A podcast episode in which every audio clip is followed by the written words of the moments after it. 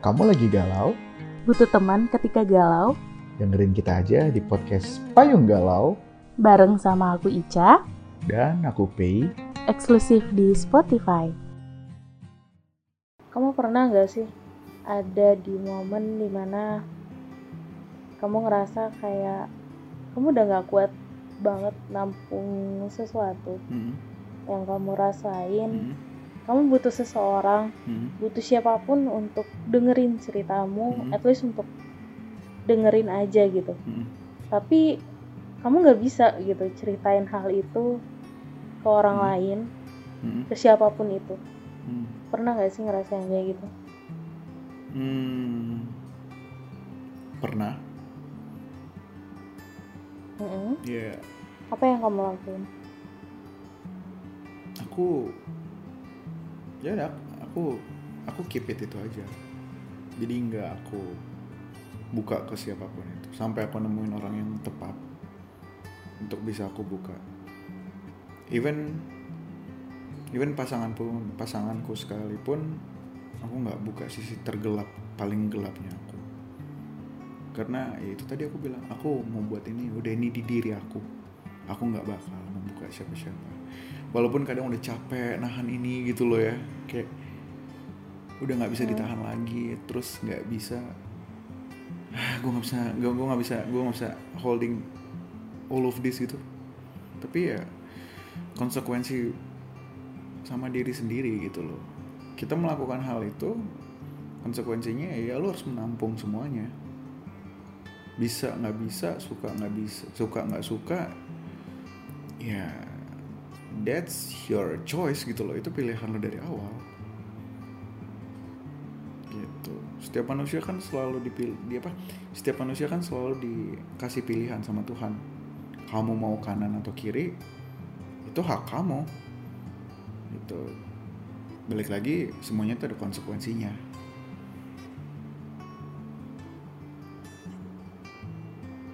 Tapi kadang eh, apa ya? Kayak terlalu berat gitu loh eh, untuk em, ada ada hal-hal tertentu yang kayak rasanya berat banget kalau terus-terusan disimpan sendiri. Bahkan apa ya buat sampai mengganggu keseharian.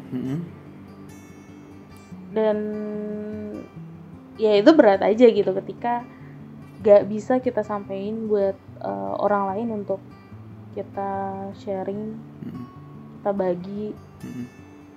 Karena eh, ada beberapa hal sih. Kadang orang lain tuh belum tentu ngerti Iya, apa yang kita alami. Benar. Heeh. yang kedua eh that's so dark untuk cerita ke orang lain. Apa sih? Maksudnya segelap apa sih itu? Eh ya maksudnya ya ya balik lagi tiap orang tuh kan punya punya apa ya punya rahasia Hmm. tersendiri entah itu rahasia yang gelap Iya. banget atau cukup gelap atau netral netral aja tapi tetap jadi rahasia Hmm. Eh, dan menurutku ya kemampuan tiap orang untuk eh, menahan beban itu kan eh, beda-beda ya. Iya. Sometimes kamu kamu misalnya eh, ngalamin A dan kamu ngerasa itu berat banget, padahal aku yang tahu dan ngalamin hal yang sama aku ngerasa kayak ya udah itu biasa aja gitu. Mm-mm. Nah kadang tuh orang nggak ngerti itu nggak sih? Iya. Gimana ya? Kadang orang itu nggak pernah tahu kapasitas kita sebagai manusia tuh sebesar apa. Jadi kalau misalnya mereka ngejudge, ya pasti ngejudge karena mereka sendiri nggak tahu kapasitas yang dipunyai orang yang mereka hadapin. Gitu. Mungkin seseorang ngelakuin hal bodoh di depan kita, kita bilang ya elah apaan sih lu? Tapi ya itu udah limitnya dia dari kapasitas dalam badan dia, dalam tubuh dia. Mungkin itu yang harus dilakuin gitu loh. Tapi ada juga yang em, yang ya udah ditahan terus gitu, ditahan terus gitu. Intinya sih setiap orang tuh punya kapasitas masing-masing dalam diri mereka. Tuh. Dan yang aku tahu lagi hidup itu semakin lama nggak akan berubah semakin ringan tapi kamu yang berevolusi menjadi lebih kuat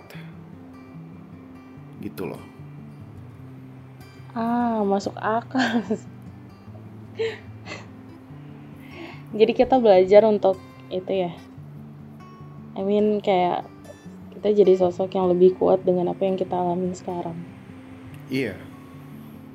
Jadi apa yang kamu hadapin hari ini dan di mata kamu berat itu adalah belajaran ketika nanti kamu dihadapin yang lebih berat lagi di masa depan mungkin kamu bakal bisa bilang ah ini mah udah pernah gue hadapin gitu. Tapi ya bukan gampang. Melainkan kamu yang udah berevolusi untuk jadi lebih kuat gitu. Uh, mau nanya deh Pei apa? Suara kamu kecil? Gedein boleh kalau oh ya.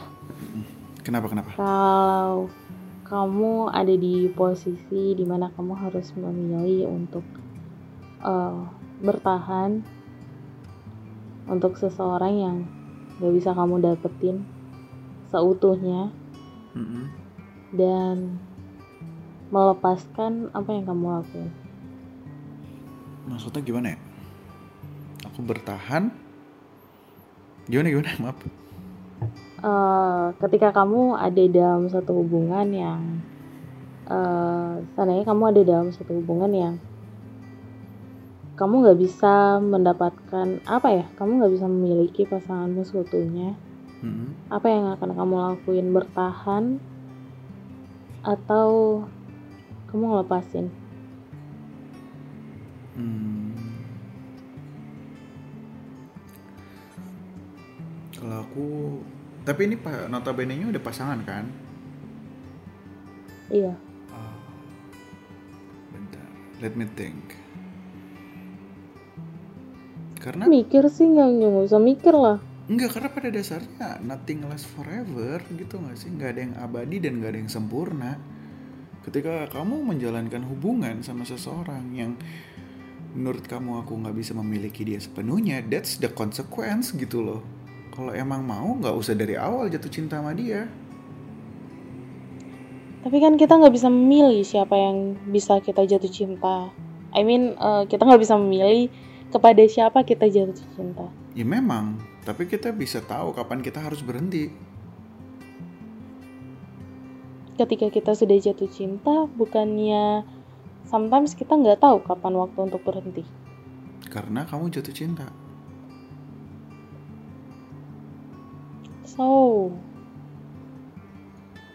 apa yang harus dilakukan? Jangan pernah jatuh cinta nggak gitu nggak sih konsepnya? Tapi that's that's rude but that's true gitu loh. Kalau misalnya nggak mau sakit jangan lompat.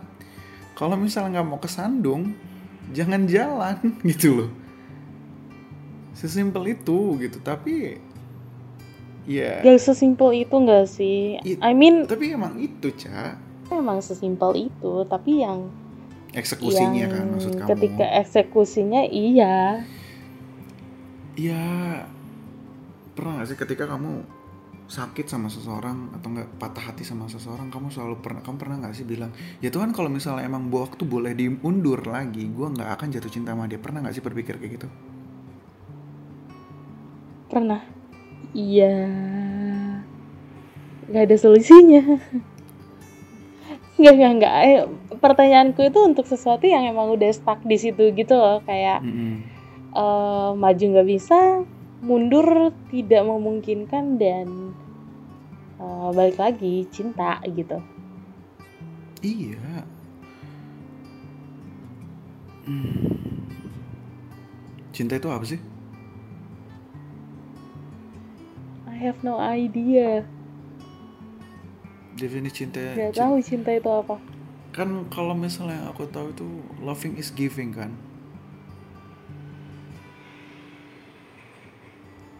And then? Mencinta itu adalah memberi kan. Karena mm-hmm. awalannya Terus? adalah men. Ada. Rada maksa sih. Iya memang kan. Me itu kan melakukan kan, memberikan kan. Hal yang me itu pasti kamu yang bergerak kan. Bener nggak? ketika kamu mencintai berarti kamu memberikan cinta memberikan gitu loh dan konsekuensinya adalah ya nggak harap kembali aku jadi aku pernah bilang ini ke beberapa orang dan banyak orang sih. Manusia tuh punya dua tipe. Tipe pertama adalah manusia yang mencintai. Dan tipe kedua manusia yang dicintai. Manusia yang mencintai itu adalah dia bakal mencintai pasangannya tulus tanpa berharap kembali dan manusia yang dicintai itu adalah manusia tipikal yang pengen banget dicintai, disayang, dan diayomi terus. Dan hal yang paling berat dari dua itu adalah manusia yang mencintai. Karena konsekuensinya, kamu gak boleh berharap untuk dicintai. Which is, kamu adalah pemberi, bukan penerima. Gitu. Bukannya mencintai juga harusnya give and give ya? Hmm? Bukannya mencintai juga itu apa ya dulu tuh pernah nonton bukan nonton sih denger kalau kata Glenn Alinsky sama Chelsea Olivia tuh mm -hmm. mencintai itu bukan take and give tapi give and give iya yeah. which is itu saling memberi bukan memberi dan menerima ya tapi yeah. saling memberi mm -hmm. saling memberi memang ya berat gak sih kalau kalau apa ya bukankah ketika kita mencintai hmm. tanpa berharap untuk mendapatkan balasan sekalipun itu cinta yang tulus banget itu sometimes apakah tidak seperti berjalan dengan satu kaki? Memang tapi itu udah kodratnya. Ya emang sih kita bisa jalan dengan satu kaki tapi lebih berat kan? Berat. Kayak berat kok susah jadi manusia yang mencintai itu susah. Paling enak tuh yang dicintai tau gak sih? Diayomi. Uh, enak banget.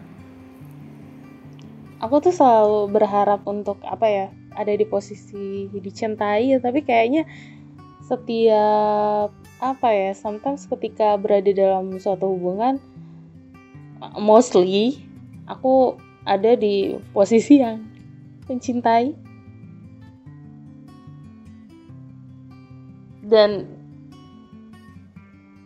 damn itu menyakitkan. Ya apa ya nggak salah nggak salah kok untuk mencintai cuman ya sometimes emang harus ikhlas aja sih sama semesta. Ikhlas. Hmm. ikhlas dengan melepaskan itu sama nggak sih? Sama hampir sama sih. Merelakan mengikhlaskan iya sama sih. 11-12 tipis lah karena kalau kamu udah udah bisa mengikhlaskan sesuatu kamu bakal menjadi sosok yang mencintai tanpa harap kembali. Dan itu wah udah udah level level Tuhan kali. Bukannya itu level omong kosong tertinggi? Enggak lah. Kenapa dari sana satu yang satu hal yang mencintai tanpa harap kembali ya apa tanpa harap kembali ya ada satu kan ya Allah kan. Dia mencintai kita tanpa harap kembali Iya sih, kalau kayak gitu balik lagi konsepnya nggak usah mencintai kan. Tapi nggak mungkin dong, kayak kita nggak nggak usah mencintai. Oh my god, kalau ngomongin cinta tuh kayak ah, gitulah. Iya, yeah. luas kayak ibarat kata satu dibagi nol. tak terhingga. Iya. Karena kalau ngomongin tentang apa ya tadi kayak kamu bilang soal uh, mengikhlaskan ya sometimes uh, some people can stay in your heart but uh, not in your life. Ya, ada kalanya juga orang masuk ke kehidupan kita juga untuk belajar untuk ngajarin kita belajar tentang hidup gitu sih mampir doang ya orang-orang kayak gitu. Kayak mampir ngejarin sesuatu dan kembali pergi. Kadang jadi mikir kayak uh, penting banget untuk mencintai diri sendiri sebelum mencintai orang lain. Iya itu penting banget kok. Karena karena kadang tuh kita mencintai orang lain lebih daripada kita mencintai diri sendiri dan itu yang buat kita ngerasa bahwa kita nggak tahu cara untuk melangkah seperti apa. Kamu lagi galau? Butuh teman ketika galau? Dengerin kita aja di podcast Payung Galau. Bareng sama aku Ica. Dan aku Pei. Eksklusif di Spotify.